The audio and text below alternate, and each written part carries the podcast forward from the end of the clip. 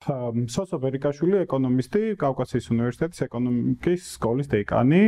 დღეს ვისაუბრებთ ჩვენი ფულის შესახებ.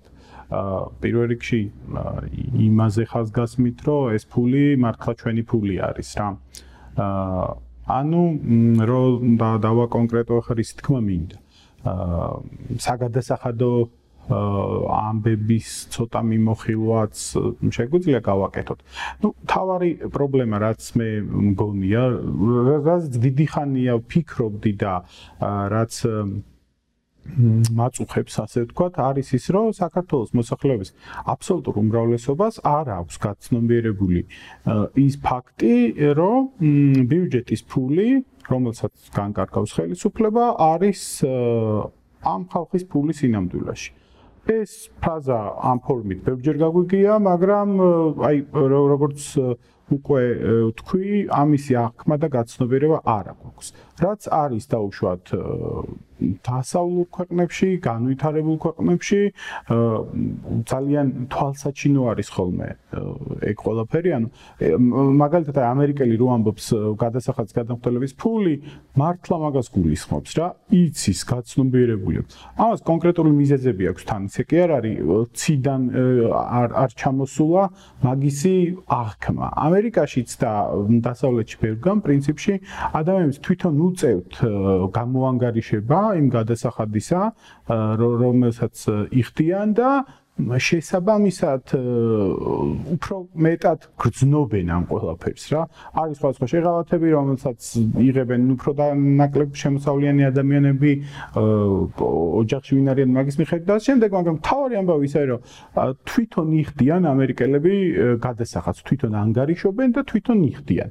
აა დავახვდოთ იმას, რასაც ჩვენთან გამსაქმებელი ავტომატურად აკეთებს, ჩვენ ხელფას გვიწყავს უკვე ჩამოჭრილი საშემოსავლო ჩამოჭრილი და მე განარჩენს თვითონ იხდის და ამერიკაში თვითონ მიიხდიან საშემოსავლო ხო, აგეთი ამბავია, ზუსტად ეგ არის კი, მაგასაც ვიტყვი.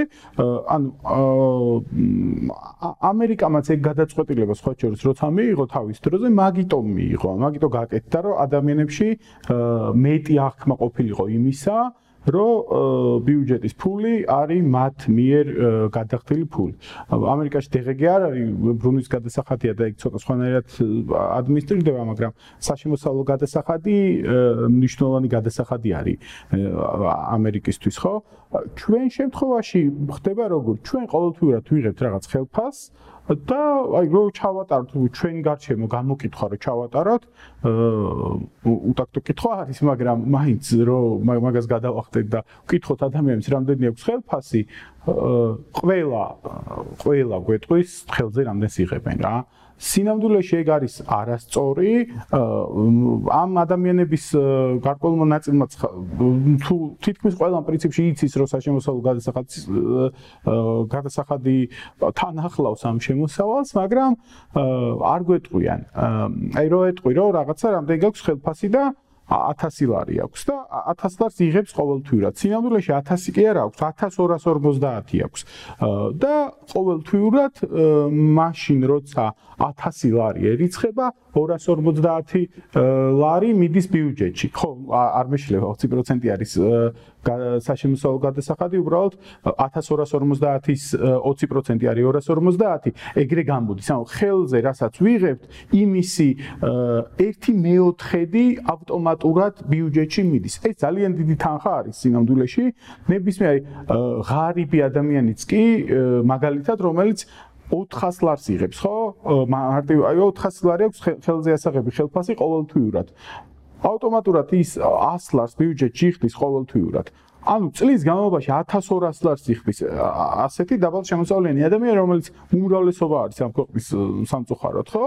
ეს ის უნდა იგებდეს 1250 ლარის შესაბამის, ну თუ დახარჯავს ყველაფერს, იმით შესაბამის მირეგულებას წლის, ну ხო, ჩვენ გადასახადებს იმიტომ ვიხდით, რომ სახელმწიფომ შეასრულოს რაღაც ფუნქციები, თავდაცვა უზრუნველყოს პოლიცია, ასე შემდეგ, საჯარო სამსახურში დასაქმებულების ხელფას მოხმარდეს და ასე შემდეგ. ეს ყველაფერი სერვისი არა, სახელმწიფო ჩვენ ქირაობთ აღმასრულებელი ვირჩევთ ამ ქირაობთ მინისტრებს, პრემიერ-მინისტრს შემდეგ იმისთვის, რომ განკარგონ ეს ფული, რომელიც რეალურად ჩვენი არის, მართლა ჩვენია. აი ამას ახლა ბევრჯერ ვიმეორებ და ბოლო პერიოდის განმავლობაში ხშირად ვიმეორებ, რომ ჩაჯდეს ეს რაღაც ადამიანების გონებაში. ოღონდ პრობლემა ის არის, რომ ლაპარაკით ეგ ნაკლებად ჩაჯდება გონებაში და ამიტომ ფიქრობ მოსაფიქრებელი არის რაღაცა რამდენიმე ვარიანტი ძალიან მე თვითონ არ მიყვარს ახლა რაღაცა ბიუროკრატიით რაღაცების გართულება მაგრამ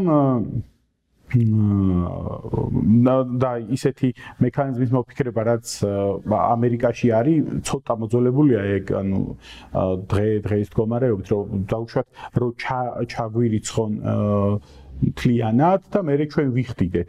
ეგ აი ძალიან მნიშვნელოვნად გაზრდის აღქმას იმისა ჯიბეში რომ ჩაგიდეს ფული და მე რო ამოგიღეს ძალიან მნიშვნელოვნად გაზრდის იმის აღქმას რომ მართლა იხდი რაღაცას რა რაღაცას და თან არ არის უმნიშვნელო ნაწილი. უფრო მარტივი გამოსავლებიც არსებობს რა. მაგალითად რაღაც ნაწილი ამ ქვეყნის მოსახლეობის ინტერნეტ ბანკს მოვიხმართ ხშირად, ხო და ამ ინტერნეტ ბანკში მობილურ აპლიკაციაში ყოველთვიურად არის ჩვენი ხარჯების ანალიზი. თვეში ერთხელ მოდის ხოლმე TV-ს აქ, ყოველ შემთხვევაში საქართველოს ბანკსაც აქვს მე მგონი ორივეს ვიყენებ პრინციპში. და აი მაგ ჩამონათვალში რო იყოს რა ყოველთვიურ ჩამონათვალში იქ არის ხარჯები რაღაცა აფთიაქის რესტორნის მაღაზიის განათლების სხვა სხვა ხარჯები არის. და მანდ ერთ-ერთ პუნქტად რო იყოს გადახდილი საშემოსავლო გადასახადი ძალიან დიდი შეიძლება ხშირად პირველ ადგილზე მოხდეს ეგ ჩამონათვალში, იმიტომ რომ დიდი თანხაა, რეალურად დიდი თანხაა და ეგ გაზდის ცნობიერებას. ასევე ძალიან მარტივი დასაორგანიზებელი არის, რომ ხელფასის ჩარიცხვის მესიჯი რომ მოგდის დაუშვათ, რომ 1000 ლარი ხელფასი ჩაგვერიცხა. ეგრე კი არ მოგდიოდეს. მოგდიოდეს მესიჯი რომ მესიჯი სწორი ფორმა SMS-ი ხო შეეთყობინება მოგდიოდეს რომ 1250 ჩაგვერიცხა, მაგრამ აქედან 250 სახელმწიფომ წაიღო და ჩვენ 1000 ლარი დაგვჭა. ეს რა თქმა უნდა გააზრდის აღქმას იმისა, რომ ჩვენ ვიხდით ამ გადასახადებს, ხო? და ეხლა რა შეგვჭირდება ეგ ძალიან მნიშვნელოვანი ამბავი არის. ძალიან მნიშვნელოვანია რომ ვიცოდეთ რომ ეს ფული რეალურად ჩვენი ფული არის იმიტომ რომ უფრო უფრო უკეთესი მოქალაქეები ვიქნებით რა. უფრო მომთხოვნები ვიქნებით ამ ზემოხსენებული ministrების თუ სხვა სხვა არჩეული და ქირავებული პირების მიერ მიერ მათ გავაკონტროლებთ. ანუ მეტად მოვთხოვთ პასუხს, იმიტომ რომ ისინი რეალურად ჩვენ ფულს ხარჯავენ და რაღაცა წინასაარჩევნოთ აი იმ 400 ლარიან ხელფასიან ადამიანს, ხო? წინასაარჩენო 500 ლარი რო აჩუქოს მთავრობა მის ბედნიერი იქნება მაგრამ სიანდულეში 1200 ლარი აქვს გადახდილი. მარტო საშემოსავლო გადასახადის სახით და არ არის მართალი ხელისუფლება. ნებისმიერ ამ კონკრეტულ ხელისუფლებას კი არ გულისხმობ. არ არის მართალი ხელისუფლება როცა მაგას დახმარებას არქმევს ან საჩუქარს ან რაღაც. იმიტომ რომ ის ამის ფული არის რეალურად ხო? მათ შორის ამის ფულიც არის. ამიტომ მეტად მოვთხოვთ არ არის საუბარი მხოლოდ კორუფციულ სქემებზე და პირდაპირ მოპარვაზე ბიუჯეტიდან ხო უფრო ეფექტურ ხარჯვას მოვთხოვთ ნებისმიერი ნებისმიერი რესურსის რომელიც ბიუჯეტში არის აკუმულირებული ანუ რაღაცა უკეთესად ჩატარებას ტენდერების და მაგისი მაგისი აღქმა გაჩნდება და ვითომც არაფერი არ იქნება იმიტომ რომ იმიტომ რომ ჩვენი ფული არის. რა ვიცი, სახლის რემონტის დროს რაღაც რო არა უხარისხოდ გამიკეთვა, ამაზე პრობლემა მექნება, ისე რომ მქონდეს ესეთ პრობლემა, რომ ქალაქში რაღაც მაგალითად სამანქანე ზოლები დაიხაზა და ერთ კვერში დაიშალა რა, ანუ რატომ უხარ. ხო, ზუსტად.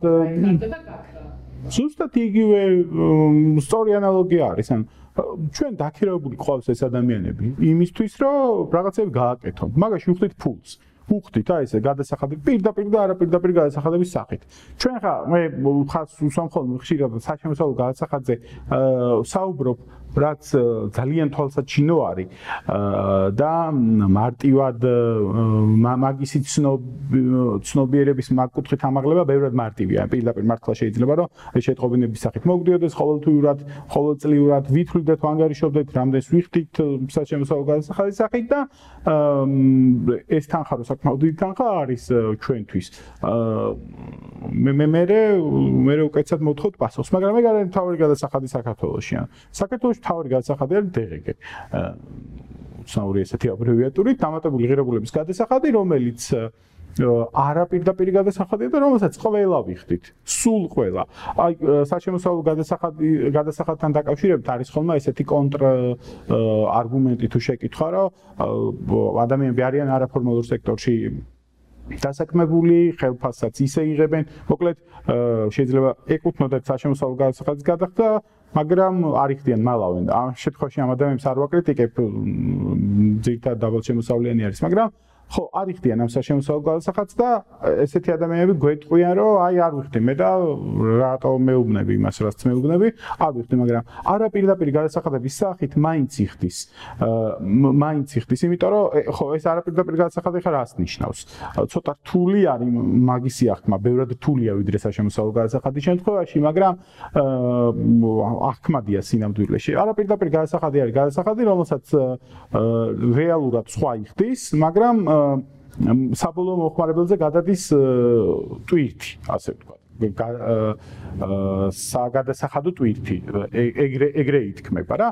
მაგალითად რეალიზატორი რაღაცა პროდუქციას რო ყიდის ასლარად იმიტომ რომ ის დღეს გადამხდელია უწევს გადაიხადოს 100 ის გაყიდოს მოგყიდოს 118 ლარად და ის 18 ლარს კი გადაიხდის ბიუჯეტში მაგრამ რეალურად მე რომელიც ვარ საბოლოო მომხმარებელი მომიწია 18 ლარით მეტის გადახდა. ანუ ხო ხაროზე ფასი რაც აწერია იმ ფასში შედის დამტიგოს წარმოებულს უნდა რომ აიღოს და იმას ეუს ზევიდან კი იმას შედის DGG და სხვა და ეს DGG არის მთავარი გადასახადი საქართველოს.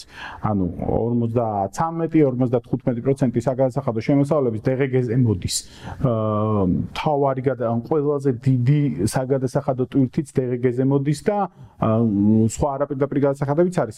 იმპორტის გადასახადი მაგალითად აქციზი რომელიც э, გადაიხდევინება დაუშვათ бенზინის бенზინის э, ფაში შედის. ახლა აქციზი კიდე არის სპირტზე და იმაზე სიგარეტზე და შემდეგ რაც მავნეარი და ყველა შეიძლება არ მოიხმარდეს, მაგრამ бенზინის პრაქტიკულად ყველა მოვიხმართ მანქანით რომ ცარს არგებლობდეთ, არა პირდაპირ მაინც მოვიხმართ, იმიტომ რომ ეს ყველაფერი მე შედის სხვა პროდუქციის თვითღირებულებაში და ასე შემდეგ. აა იმის თქვა მინდა რომ საბოლოო ჯამში ყველა ვიხდით გადასახადებს. აი სულ ყველა, აბსოლუტურად ყველა ის ადამიანებიც კი, ვინც სოციალურ შემწეობაზე არიან და მთლიანად სახელმწიფოზე არიან დამოკიდებული და მხოლოდ ეგ შემოსავალი აქვს, ისინიც კი იხდიან ამ არაპირდაპირ გადასახადების სახით. სხვა შორის ეგეც არ არის ტექნიკურად რთული და დასაორგანიზებელი. ევროპაში ჩვენ შევხვდებით ხშირად თაროებზე, სადაც აწერია ფასი და აწერია DGG.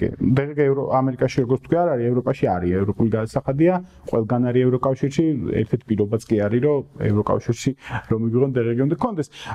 მოკლედ თაროზე ფას შეიძლება ეწეროს, რომ რაღაცა ღირს და ამას ემატება დღეგე რა. ჩვენ შემთხვევაში ეგ მხოლოდ რესტორნებში ხდება ხოლმე, ოღონდ მაგას ცოტა სხვა მიზეზი აქვს. უნდათ რომ უფრო უფრო იეფი გამოჩნდეს და რეალურად მეციხლი, ოღონდ სწორი არის ეგ რა. სწორია.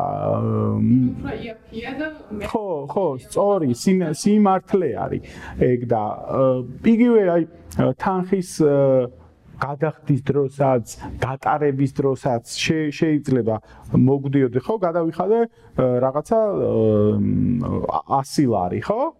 სულიერი დერეგესთან გათხოვებული რაც არის. ხო, მან პრობლემა ის არის რომ ზოგიერთი პროდუქცია დღეს გან არის გათავისუფლებული და ეგ დიდი დიდი ინდუსტრიები არის გათავისუფლებული მაგალითად მედიკამენტების მოხმარება არის გათავისუფლებული სოფლის მეურნეობის პროდუქციის პირველადი მიწოდება არის გათავისუფლებული და შემდეგ არის რაღაცები რაც გათავისუფლებული არის დღეს განაც რთული დასრულებული იქნება მაგრამ მაინც დათვლადი არის და თანამედროვე ტექნოლოგიების პირობებში ეგ არ არის რთული რა ყოველ შემთხვევაში რაზეც ზუსტად ვიცით რომ DGG შედის მიზღირებულებაში, იმაზე მაინც შეგვიძლია დავაწეროთ და მე რაღაცა იმას კი არ ვიგონებ აქ know-how-ს და იდეებს კი არ ვაპატენტებ. გამოგონილი არის ეგ ყველაფერი, ანუ ეგ ყველაფერი არსებობს, მუშაობს განვითარებულ ქვეყნებში. და ჩვენთან პრობლემა რა არის? მაგის გაკეთება შეუძლია ხელისუფლებას. ხო? მარტივად შეუძლია საკანონმდებლო ცვლილებებით და ასე შემდეგ შეუძლია და კამპანიებითაც სხვა შორის შეუძლია გააკეთოს ის, რომ ცნობიერება ამაღლდეს გადასახადების კუთხით საქართველოში. უბრალოდ ხელისუფლებას ეგ არ აწყობს. ინტერესთა კონფლიქტია, არა ჯანსაღი, მაგრამ ინტერესთა კონფლიქტია. ანუ ხელ თუ ხალხი გააცნობიერებს იმას, რომ ეს ბიუჯეტის ფული სინამდვილეში მათი ფული არის, ანუ ხალხის და არა ხელისუფლების ან რომელიმე პრემიერის და ასე შემდეგ, მე ეს ხელისუფლებები ვეღარ მოატყუებენ არ არ მეშინია ამ სიტყვის გამოყენების, ვეღარ მოატყუებენ ხალხს, რომ აი ეხმარებიან და ასე შემდეგ და ასე შემდეგ. იმიტომ კი არ ეხმარებიან რეალურად მათ ფულს იყენებენ რაღაცა მიზნებისთვის, ხო? ამიტომ ეს რაღაცნაირი ჩაკეტილი წრე არის, არ არ მიდის არც ერთი ხელისუფლება ამ მიმართულებით, რომ იდეოლოგიაც არ უნდა იყოს თან და ანუ ეკხრობოდა სუბსიდიებს, არ ეკხრობოდა სუბსიდიებს ნებისმიერ შემთხვევაში. მოცემულობა ის არის, რომ უნდა გქონდეს ახმული, რომ სუბსიდია არის ბიუჯეტის შენი შენი ხარჯია და არა თქვა შემო კი კი თუნდაც ხო კონკრეტულად სუბსიდიებზე რომ ვილაპარაკოთ გარკვეულწილად შეიძლება საჭირო იყოს ზოგ შემთხვევაში ეს სუბსიდიები მაგრამ იმისი აღქმა იქნება რომ მე მაგალითად აი კახელ გლეხებს რო ყოველ წელს უსუბსიდირებენ ხოლმე მე მეწოდინება რომ ჩემი ფული თუ უხდი ამ კახელ გლეხებს თუ ხო ან მომეწონება ან არ მომეწონება. უბრალოდ გაცნობიერებული უნდა მქონდეს რომ იმას თავრობა კი არ ეხმარება მე ვეხმარები რეალურად ხო არ არის ეს ისე უბრალო ლიტონის სიტყვები. მართლა ეგრე არის. მართლა ჩვენ ვეხმარებთ. ეს ფული რეალურად ჩვენი ფულია რა. და უბრალოდ განკარგავენ ვიღაც ადამიანები რომლებიც ავირჩიეთ უმრავლესობით ან ნაკლები უმრავლესობით დემოკრატია ეგრე მუშაობს. უბრალოდ აი ამ დემოკრატიის განვითარების გზაზე ძალიან მნიშვნელოვანი არის ამ ყველაფრის აღქმა გაიზარდოს რაც არის დასავლეთში რა. აი მართლა შემთხვევითი არ არის. რაღაც სხვადასხვა დახმარებები რომ მოდის ხოლმე დასავლეთიდან ჩვენკენ USAID-ის იქ აწერია რომ ამერიკელი ხალხისგან. ამერიკელი ხალხი გვეხმარება და არა რაღაცა ხელისუფლებები. იგივე სხვა გერმანული თუნდაც GIZ-ი არის. იქაც აწერია რომ ეს არის გადასახადის გადამხდელების ფული. იმათთან ეს აქმა არსებობს ჩვენ ხა არა გვაქვს რეალურად მაგისი ტრადიცია და კულტურა არა გვაქვს, იმიტომ რომ საბჭოთა კავშირი იყო და იქ რაღაცა სხვა რადიკალურად სხვა სისტემა იყო და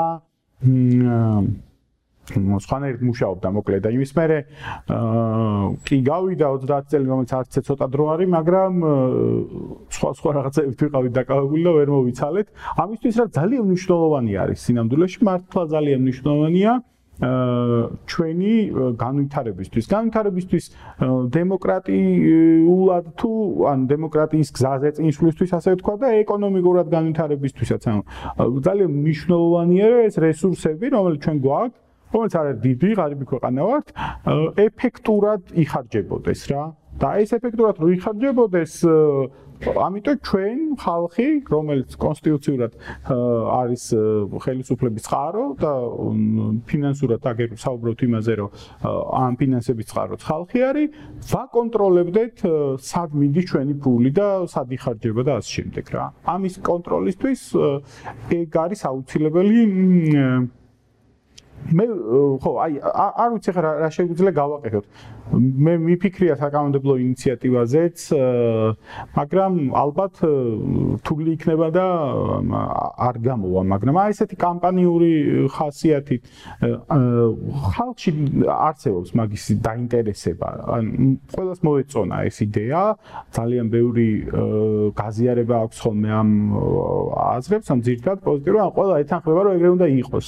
ეგრე უნდა იყოს, უნდა იზრდებოდეს რაღაცნაირად ცნობიერება იმისა, რომ ეს ჩვენი გადახდილი გადასახადებით ფორმირებულია ეს ბიუჯეტი და ეს ყველაფერი. და ამიტომ ჩვენ გავაგზელებთ ესე ყველა ეთერში მართლა ბევრგან უკვე ვისაუბრე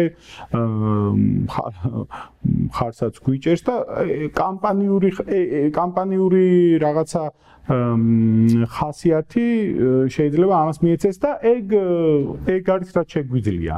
თუ კანონმდებლობა მუდავს ინფორმაციას შეიძლება რომ კომპანიებმა რაღაც სოციალური პასუხისმგებლობის ფარგლებში თვითონვე აიღონ თავიანთ თავზე ამის ცნობადობის გაზრდა საკუთარ თანამშრომლებში, რა თუნდაც მესენჯერის გაგზავნით და თუნდაც რაიმე შეტა კამპანიით და კი და კარგი იქნება კომპანიებისთვისაც, იმიტომ რომ კომპანიებისთვის ხო ხარჯი 1000 ლარი კი არ არის, ისე 1000 ლარი ხელფასს რო დაუბრუნდეთ მარტივად. იცი 1250 არის ხარჯი. ანუ ის რეალურად კომპანიის შემთხვევაში, კომპანიის ფლობელების შემთხვევაში, თუ ბუღალტერის შემთხვევაში იმად იცის, რომ რეალურად 1250 იხდის ის ხელფასში. 1000 კი არა, 1250 იხდის. რაც ნაკლებად იცის დასაქმებულმა, დასაქმებელმა იცის ყოველთვის ეს მისი ხარჯი არის. ანუ იმის ხარჯი ჯამურია და კომპანიებისთვისაც კარგი იქნება, რომ მის დასაქმებულებს აუხსნას, რომ რეალურად სინამდვილეში იმას ყველაზე მეცუხტის ვიდრე აღქმა არსებობს რომ უხდიან და ნაწილი სახელმწიფოს მიაქვს რაც თავისთავად ცუდი კი არ არის. უნდა მიქონდეს ამ სახელმწიფოს ჭირდება ფული არსებობისთვის მაგრამ უნდა იცოდეს ხალხმა ხო? მან უკანონოც არაფერი არ იქნება იმიტომ რომ რეალურად საშემოსავლო გადასახადის შემთხვევაში ფორმალურადაც კი გადასახადის გადამხდელი არის შემოსავლის მიმღები, ანუ დასაქმებული. მან უბრალოდ დამსაქმებელი ტექნიკურ სამუშაოს ასრულებს, ეხმარ, იმიტომ რომ ადმინისტრირებისთვის ეგრე ჩათვალეს საჭიროთ რომ ეგრე ჯობდა, იმიტომ რომ ბევრი დასაქმებული არის და დამსაქმებელი ცოტაა და ის ადმინისტრირებას აკეთებს, მაგას ქვია საგადასახადო აგენტი, ანუ კონკრეტულად ასრულებს სხვის ვალდებულებას, ანუ ფორმალურადაც კი ეგ ფული მაგ შემთხვევაში არის შემოსავლის მიმღების ფული რა. ხო, ცით შემთხვევით აი თანაშრომელი ვარ და მომთხოვე ჩემს კომპანიას რომ შენ ჩემი აღარ გადაიხადო მე თვითონ კი კი შეიძლება კი კი კი კი გავს ეგ ნამდვილად ვიცი, ყველა ადამიანს აქვს უფლება და დარეგისტრირდეს გადასახადის გადამხდელ ფიზიკურ პირად. მაგ შემთხვევაში დამსაქმებელს ეხსნება ვალდებულება, აღარ არის ვალდებული რომ გადაიხადოს მის გადასახადს და პასუხისგებლობა გადმოიცემს. ყველას ეგ შეუძლია რეალურად, მაგრამ არ აკეთებენ ხოლმე ხშირად. ნუ აკეთებენ იმ შემთხვევაში თუ უნდათ რომ საგადასახადო შეღავათებით ისარგებლონ, ანუ სხვა ფორმა შეიძლება მისცე და აღარ იყოს დასაქმებულის და დამსაქმებულის ურთიერთობა, არამედ მომსახურების გაწევა იყოს და უკვე ცოტა სხვაგან მივდივართ და რაღაცა სპეციალური დაბეგვის რეჟიმები ისარგებლოთ და 20% კი არ გადაიხადოს, გადაიხადოს 5%-იც.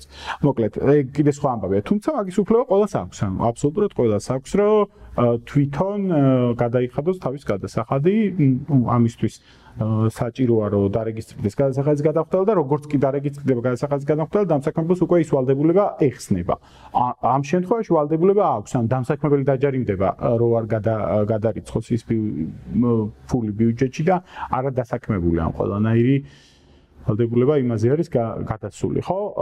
არა პირდაპირ გადასახადის შემთხვევაში ცოტა რთულად არის საქმე, მანდ ფორმალურად გადასახადის გადამხდელი არის აი დღეს შემთხვევაში და უშუალოდ რეალიზატორი მის ხო ან საკონლის ან მომსახურების მიმწოდებელი ასე ვთქვათ არის ფორმალურად გადასახადის გადამხდელი უბრალოდ საგადასახადო ტვირთი გადადის საბოლოო მომხმარებელს. ან რეალურად იქ სხვა სხვა არის ფორმალური გადამხდელი პირდაპირ გადასახადის შემთხვევაში საშემოსავლო გადასახადის შემთხვევაში მარტივად არის საქმე მან ყველანაირად ცალსახად გადასახადის გადამხდელი არის ის ვინც იღებს იწევს შემოსავალს. ახლა ჩვენ აი კიდე ერთი რაღაც გამოხსენდა ინტერნეტ ბანკში მაგალითად ჩანს ასევე საპენსიო ფონდში დაგროვებული თანხა რამდენი გვაქვს და ამ ამ 2%-ით საკმაოდ სოლიდური თანხა მოგროვდა, ხო? ანუ ხელფასთან მიმართებაში და თქვენ წარმოიდგინეთ ახლა 20%-ის შემთხვევაში რა თანხებზე არის საუბარი? რასა გამიგია რა შევდივარ და ხედავ რა თანხა მოხდა ვერ გამოაქვს გულს კენსოდა ივენაირად ანუ რეალურად როგორც ხედავთ ახლა ვიჩნდება და საშემოსავლოზე დანახვა გვინდა მეტი არაფერი არ დანახვა გვინდა ხო. შავშია დანახვა გვინდა და რთული ახლა ყოველას ესე მარტივად მაგისი აქმა და ანგარიში ხო არ შეუძლია და ამიტომ რთულ და ვისაც შეუძლია ისინიც არის თვლიან აი რაზეც დავიწყე თავიდან საუბარი რომ ეკითხები ხელფასი რამდენი გაქვს გეტყვის იმდენს რამდენიც აქვს ხელზე ასაღები და რომ ჩაეკითხები იცის ძალიან ბევრმა რა თქმა უნდა როგორ გამოთვალოთ საშემოსავლო გასახადად და შემდეგ. და მან შეიძლება გიპასუხა რომ მაგას რა მნიშვნელობა აქვს და ეგ არის კატეგორიულად მიუღებელი პასუხი. მაგას აქვს მნიშვნელობა. აქვს მნიშვნელობა ანუ ჩემთვის ხო ის არის მნიშვნელოვანი რას ვიღებ ხელზე რამდენს ვიღებ და რამდენი არის ჩამურად მაგას რა მნიშვნელობა? აქვს იმიტომ რომ მაგაზე არის დამოკიდებული სახელმწიფო ბიუჯეტი და ასე შემდეგ. მაგით ფორმირდება ბიუჯეტი და მაგას აქვს ძალიან დიდი მნიშვნელობა სინამდვილეში. დასაქმებულის ხო დასაქმებულის პოზიციიდან მან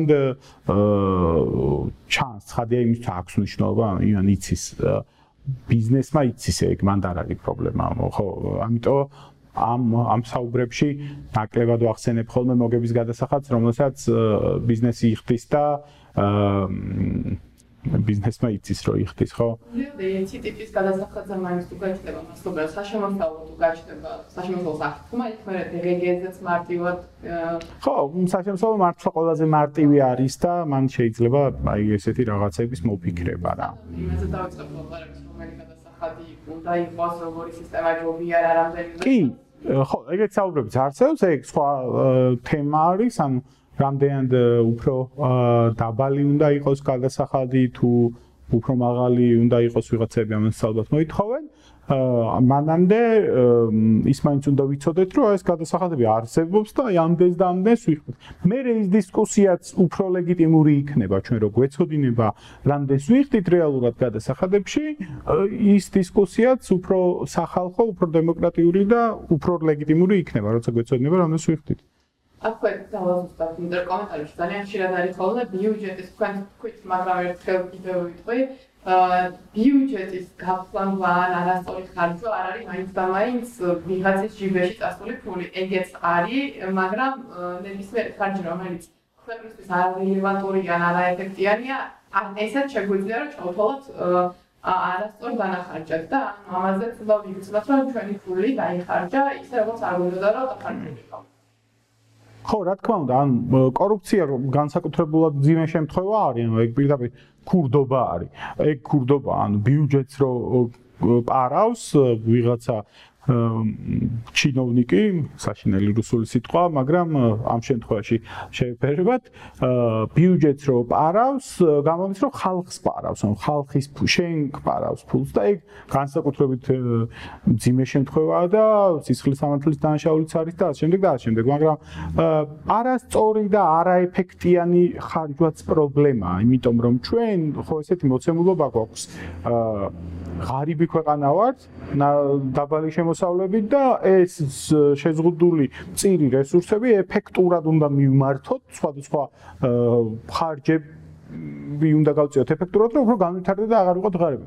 ხე დიდრები რო ვიყოთ, მაინც ეფექტურად უნდა ხარჯავდეთ გაფლანგვას არა აქვს გამართლება, მაგრამ მაგ მაგ ნაწილშიც დაგვეხმარება მოსახლეობის ცნობიერების ამაღლება ანუ რაც უფრო მეტ ადამიანს ექნება გაცნობიერებული რომ რეალურად მათი ფულია ეს მით უფრო პასუხისგებლიან მოეკიდებიან ის ჩინოვნიკები მათი ფულის გაკარგვას იმიტომ რომ პასუხი მოეთხოვებათ. მადლობა ჩვენ ჯგუფიც გვაქვს კომენტარებში ვისაც რა იდეა დაგიჩნდება როგორ შეიძლება რომ ეს აღქმა გაუზარდოთ მოგწერეთ კითხვები თუ გექნებათ იქაც მოგწერეთ და გიპასუხებთ და ფაქტია იქაც შეგვიძლია განვიხილოთ ეგ ნაბიჯები რა შეიძლება რომ ვქნათ ალბათ თუ დაველაპარაკებთ ჩვენს გარშემო მეგობრებს ბიზნესის მფლობელებს და რაღაც ყველას უფრო და უფრო შევწყვეტ რომ ამის კი კი ეს ღია დისკუსია არის ან ჩვენ რა შეგვიძლია რომ გავაკეთოთ ის უნდა გავაკეთოთ. მე ოდესმე შეიძლება რომელიმე ხელისუფლებამაც მიიღოს ეგ გადაწყვეტილება რომელიც სწორი გადაწყვეტილება იქნება საბოლოო ჯამში გრძელვადიანი მიზნებისთვის მადლობა